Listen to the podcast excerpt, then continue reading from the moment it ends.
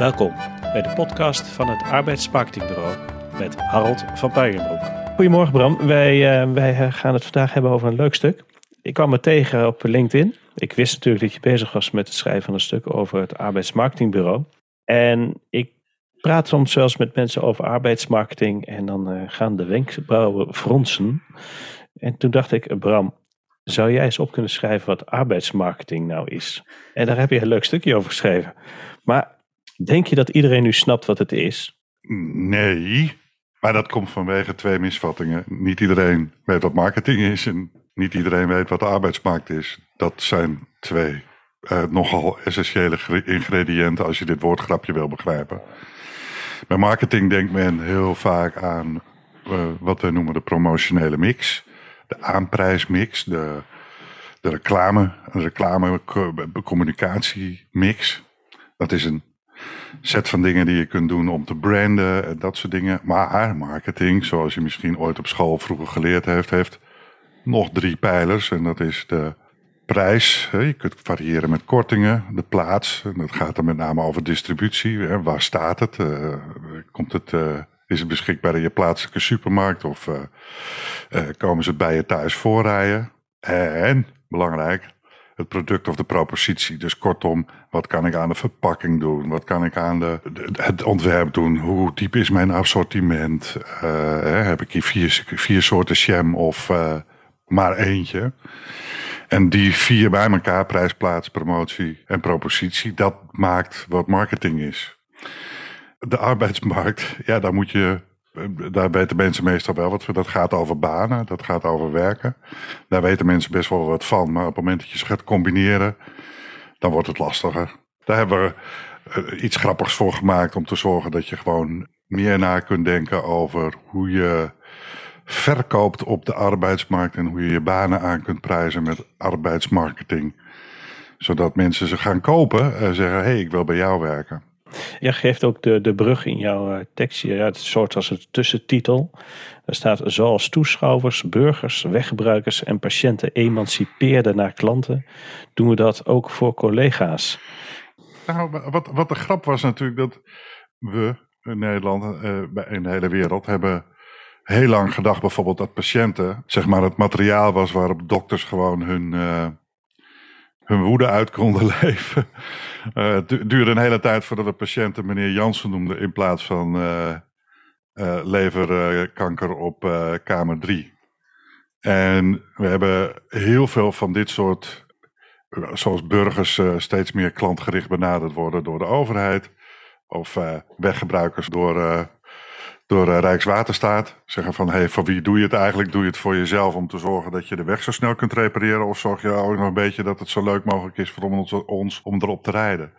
Het is heel erg logisch dat, dat grote bedrijven en grote organisaties natuurlijk gewoon hun, de mensen die over de vloer komen, uh, zien als nummers. En daar zijn we de afgelopen 20, 30 jaar een beetje mee opgehouden. Vooral over burgers. Burgers zijn klanten van gemeentes, van overheden. Dat is, uh, als je vroeger naar het voetbalstadion ging, dan mocht je blij zijn als je wat zag. En uh, voetbalstadions zijn er steeds meer voor de toeschouwers en minder voor de voetballers. Zou okay. je niet denken, maar dat is ja. uh, ongeveer wat daar staat.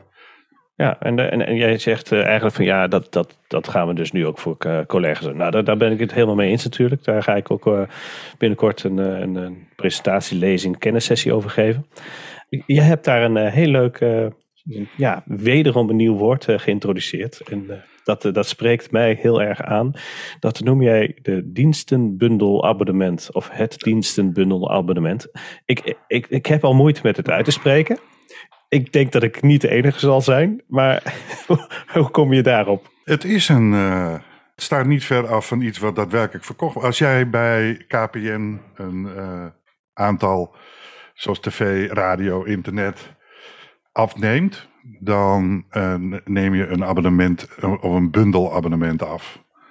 Je zegt dan: Ik wil zowel televisie als internet, als ook uh, van de weg gehaald worden op het moment dat mijn band lek is. Nou biedt de KPN dat toevallig niet als bundel aan. Ik geloof niet eens dat ze dat zelf aanbundelen, aan, aanbieden. Maar het gaat erom dat je gebundelde diensten met elkaar neemt. Op het moment dat je een baan voor zou kunnen stellen als een maandelijks bundel van diensten die aangeboden wordt aan de collega's uh, of aanstaande collega's, dan snap je dat, dat het een productieproces is en daarmee een marketingproces uh, aan de buitenkant geworden is. Hoe maak jij, als jij een baan maakt als werkgever, hoe zorg je ervoor dat dat maandelijkse abonnement waar jouw collega's op, ge, op geabonneerd zijn, dat die diensten die daarin zitten zo goed mogelijk proberen om het leven van die collega leuker te maken. Dus kortom, in plaats van dat je zegt: hier heb je een cafetaria-model en je mag al lang blijven zijn met wat je krijgt, of dit hebben we afgesproken in de CAO. Uh, dat is gewoon eigenlijk een productveiligheids- of een productkwaliteitseis. Hoe kan ik dat dienstenabonnement, wat ik probeer aan te bieden, die bundel, hoe kan ik die zo goed mogelijk maken? Dat is wat ik zeg. Een baan is een dienstenbundel. Ja, jij, maakt daar wel een behoorlijke stap. Hè? Uh, kijk, laten we wel wezen, we, zijn we waren heel blij toen er een uh, jaar geleden iemand kwam met het weergeven van een arbeidscontract in tekeningetjes en flow diagrams, zodat we dat leuk vinden om te tekenen en zo simpel mogelijk te maken. Um, maak je het nu niet weer extra complex door te zeggen van ja, uh, maar je kunt een abonnement bij ons afsluiten. We hebben zelfs vergelijkingssites om mensen die abonnementen verkopen te kunnen vergelijken met elkaar. Is, is dat dan hier ook de volgende stap? Ja, als, net zoals bij bellen.com je daadwerkelijk gewoon kunt zeggen: hé, hey, je kunt een mix en match doen. Je kunt daar dit kopen en hier dit kopen. Bijvoorbeeld, je zou een baan in elkaar kunnen sleutelen waar het pensioen uitgehaald is. Uh, en zeggen van kijk, uh, dit is wat je mag doen. Dit is wat salaris wat je krijgt en je mag je eigen pensioenopbouw doen. Of je mag je eigen uh, scholing mag je regelen. Dat hoeft niet allemaal in die bundel te zitten. Dat kun je rustig ergens anders afnemen. Een extreem voorbeeld is ZZP'ers die gewoon zeggen: ja, ik hoef al die dunste bundels van jou helemaal niet. Want die passen zo niet in mijn leven. Ik, ik sleutel zelf de rest wel bij elkaar. Ik kan je melden, ik was uh, ZZP'er ongeveer 25 jaar geleden. Toen de banken nog vroegen om een uh, vast loondienstverband overzicht, een loonverklaring, want anders kon je geen huis kopen. Maar goed, zij wilden dat je per se dat dienstenabonnement afnam in die vorm. ZZP'ers hebben het vanaf pas vorig jaar een klein beetje voor elkaar. Uh, sinds de wet op de DBA eraf is. Maar die richten hun eigen bundel in, zeg maar. En kopen dus niks meer van, uh, van werkgevers. En dat vond ik een hele, hele heel, heel goed, uh, manier, goede manier om erover na te denken. Van er zijn gewoon mensen in Nederland die uh, die diensten elders afnemen. Die, uh, of het nou duobanen zijn of deeltijdbanen. Die gaan proberen om zo goed mogelijk de dienstenbundel af te nemen die bij hun past. In plaats van dat ze uh, de eenheidsworst die meeste werkgevers verzonnen hebben voor ze gaan afnemen. Wat wel een belangrijke conclusie, of eigenlijk ja, randvoorwaarde is die we dan trekken, is dat je er wel van uitgaat dat iedere medewerker of latent werkzoekende, dat het een klant is en niet een resource. Dat is toch wel een belangrijk onderdeel. Want of kijk je er anders naar? Nou, ik, ik, je moet je ook voorstellen natuurlijk dat de meeste banen 50 jaar geleden, toen we met z'n allen heel hard probeerden om te strijden voor een eerlijke verdeling van geld in de samenleving, dat die banen ook grotendeels uitwisselbaar waren dat was wat het was. Ik bedoel, voor jou tien anderen en we zorgen ervoor dat iedereen zo goed mogelijk hetzelfde kan doen. En, uh, en dat betekent dus dat je gewoon daarmee mee meer een, een stroom materialen werd dan een, een klant waarin we zouden kunnen zeggen: hé, hey, er zitten ook boutiquebedrijfjes binnen die gewoon op maat gesneden banen voor je gaan creëren. Dus het, het was ook veel meer eenheidsworst vroeger. En daarom konden bijvoorbeeld vakbonden gewoon ook cao's afspreken. Anders als, als, als geen enkele baan vergelijkbaar is, is dat een vrij lastige situatie. Dus maar het is de afgelopen 20, 30 jaar zijn we zo ontzettend gaan spelen met werk-leven. Ons leven is veel complexer geworden dan dat van onze ouders. Met ons toegenomen inkomen. Dat we gewoon kunnen zeggen, ja, we willen dit en we willen zus en we willen zo. Vroeger waren banen veel meer een eenheidsworst en konden ook meer een eenheidsworst zijn. Maar we hebben nou, de afgelopen 25 jaar hadden we op moeten houden eigenlijk het te zien als een resource. Ik wil daar verder nog wel wat over zeggen, maar je wilt vast nu een vraag stellen. Nee, nee, kijk, ik zit heel aandachtig. Je wil wat zeggen, nou, ga je gang. Dit is, dit is je kans, joh. de resources, hè, dus de inkoopkant, dat is logisch dat je daar na verloop van tijd op komt. Want de banen die we toen hadden, de banen die we nu hebben. Het is veel beter om het om te draaien. Dan hou je in plaats van dat je aan de inkoopkant zit, zit je aan de verkoopkant. En aan de verkoopkant hebben we de afgelopen jaren zo ontiegelijk veel uitgevonden over waarop je segmenten kunt bereiken, de manier waarop je kunt positioneren, de manier waarop je zou kunnen communiceren. Je kunt het, het, het hele stuk van de inkoop, en daar waar personeel uitwisselbare resource is, dat is nou typisch zo'n ding waar je roept om overheidsingrijpen en, en stromen. Maar aan de verkoopkant, op het moment dat je zegt van hé, hey, de dienstenbundels die ik verkoop, uh, die worden goed of slecht afgenomen. Ja, daar hebben we allemaal trucjes voor. En eigenlijk is het, ja, het, verschil weer, ik ga weer even terug naar die burger. Zolang je die burger als een nummer beschouwt, dan krijg je natuurlijk nooit burgerparticipatie. Maar op het moment dat je hem als klant beschouwt en gaat vragen: hé, hey, wat wil je nou eigenlijk? Of hey, wat kunnen we nou voor deze groep doen? Of uh, mensen die niet zo hard lopen te blaren voor het gemeentehuis. Ja, dan wordt het een heel ander, ander beestje. Opeens verkoopt een uh, gemeente bij wijze van spreken ook diensten. In plaats van dat ze bezig zijn om uh, belasting te heffen en, en een klachtenbureau te hebben voor inkoop die niet zo goed gelukt is. Jij hebt het over eigenlijk van human resource naar, naar een soort relatie. Human relation management wordt het dan een beetje. Um, jij hebt een, uh, ook weer wederom een leuke kreet uh, verzonnen. Dienstenbundel Bonanza zou op de deur van HR moeten staan. Nou, ik weet niet of iedereen Bonanza kent, maar daar heb je vast wel een verhaal bij. een, een, een, bonanza is een uh, mediterraans woord voor een overvloed aan spullen. Op het moment dat jij een personeelsafdeling hebt en je verkoopt banen, dan moet er in de etalage allemaal mooie dingen staan van hey, dit is de baan die je leven gaat veranderen. Of heb je ook meer ritme nodig eh, om uit je bed te komen? Kom bij ons. Wij uh, hebben een fantastische manier om te zorgen dat je met uh, ochtendgymnastiek en tai chi lekker door kunt gaan. Wil je ook met je tachtigste met pensioen omdat je je leven zo leuk vindt? Kom hier, wij hebben iets leuks voor je.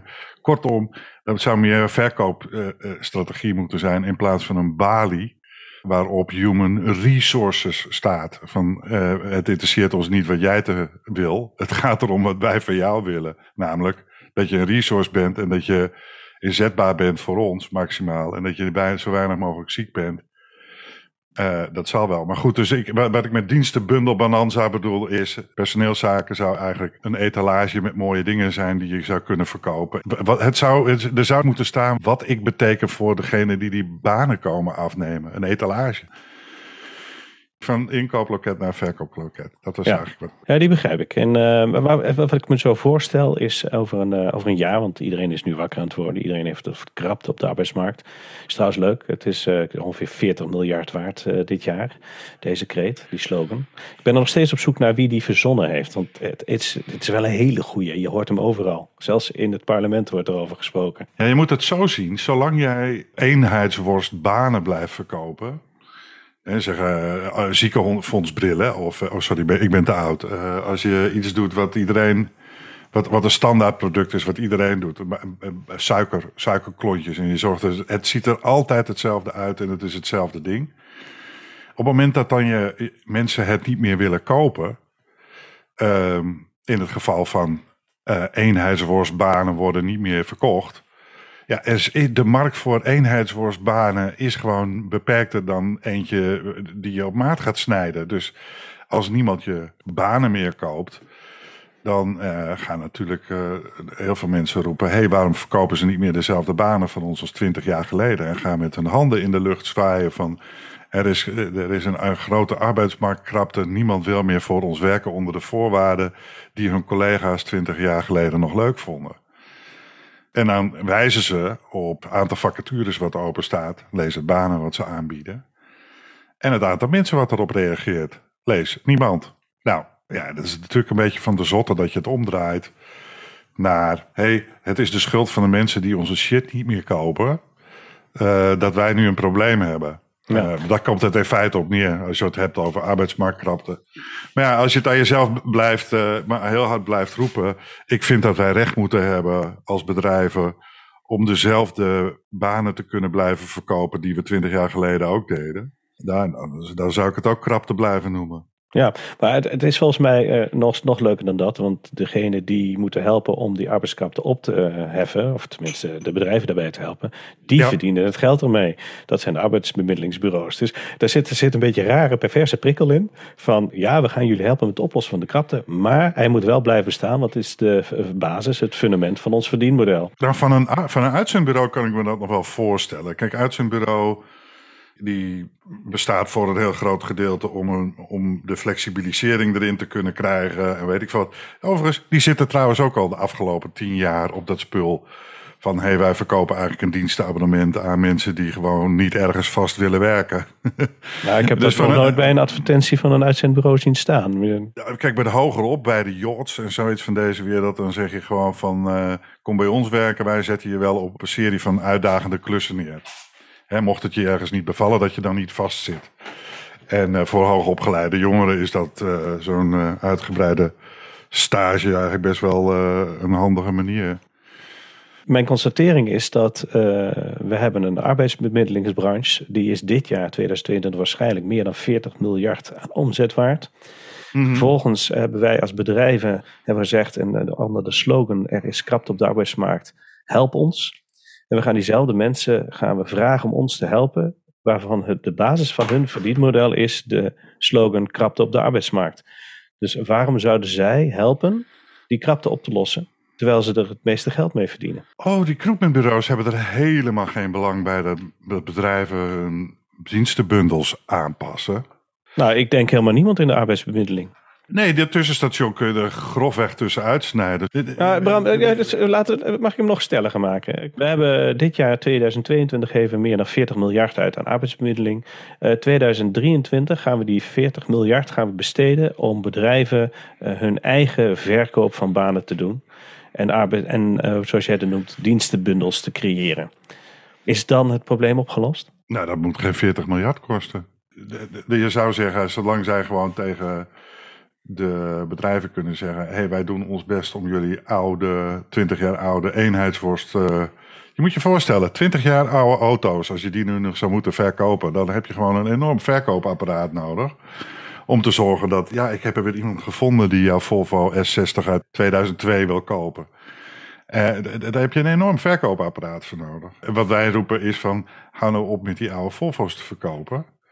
Eh, en zorg dat je gewoon met, eh, eh, dat je met greenwheels aanpakjes en eh, elektro- elektri- elektrische fietsen, et cetera. En OV-bundel, dienstenbundels, eh, bij wijze van spreken, gaat werken. In plaats van dat je probeert de hele tijd diezelfde Volvo's aan mensen te verslijten. Eh, wat jij ook doet is een open uitnodiging aan iedereen. Nou, eh, je eindigt met denk zelf eens. Waar zou het omdenken van medewerkers en klanten het meeste verschil maken?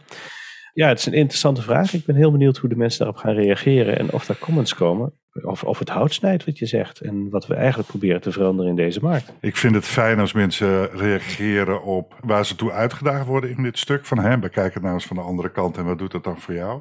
Het mooiste zou ik vinden als ze, eh, nadat ze een stuk of eh, twintig artikelen gelezen hebben, denken: hé, hey, ik wil hier eens even op reageren of weet ik wat. Dus als je er nu niet op reageert, mag het ook nog over een half jaar naar heel veel andere artikelen.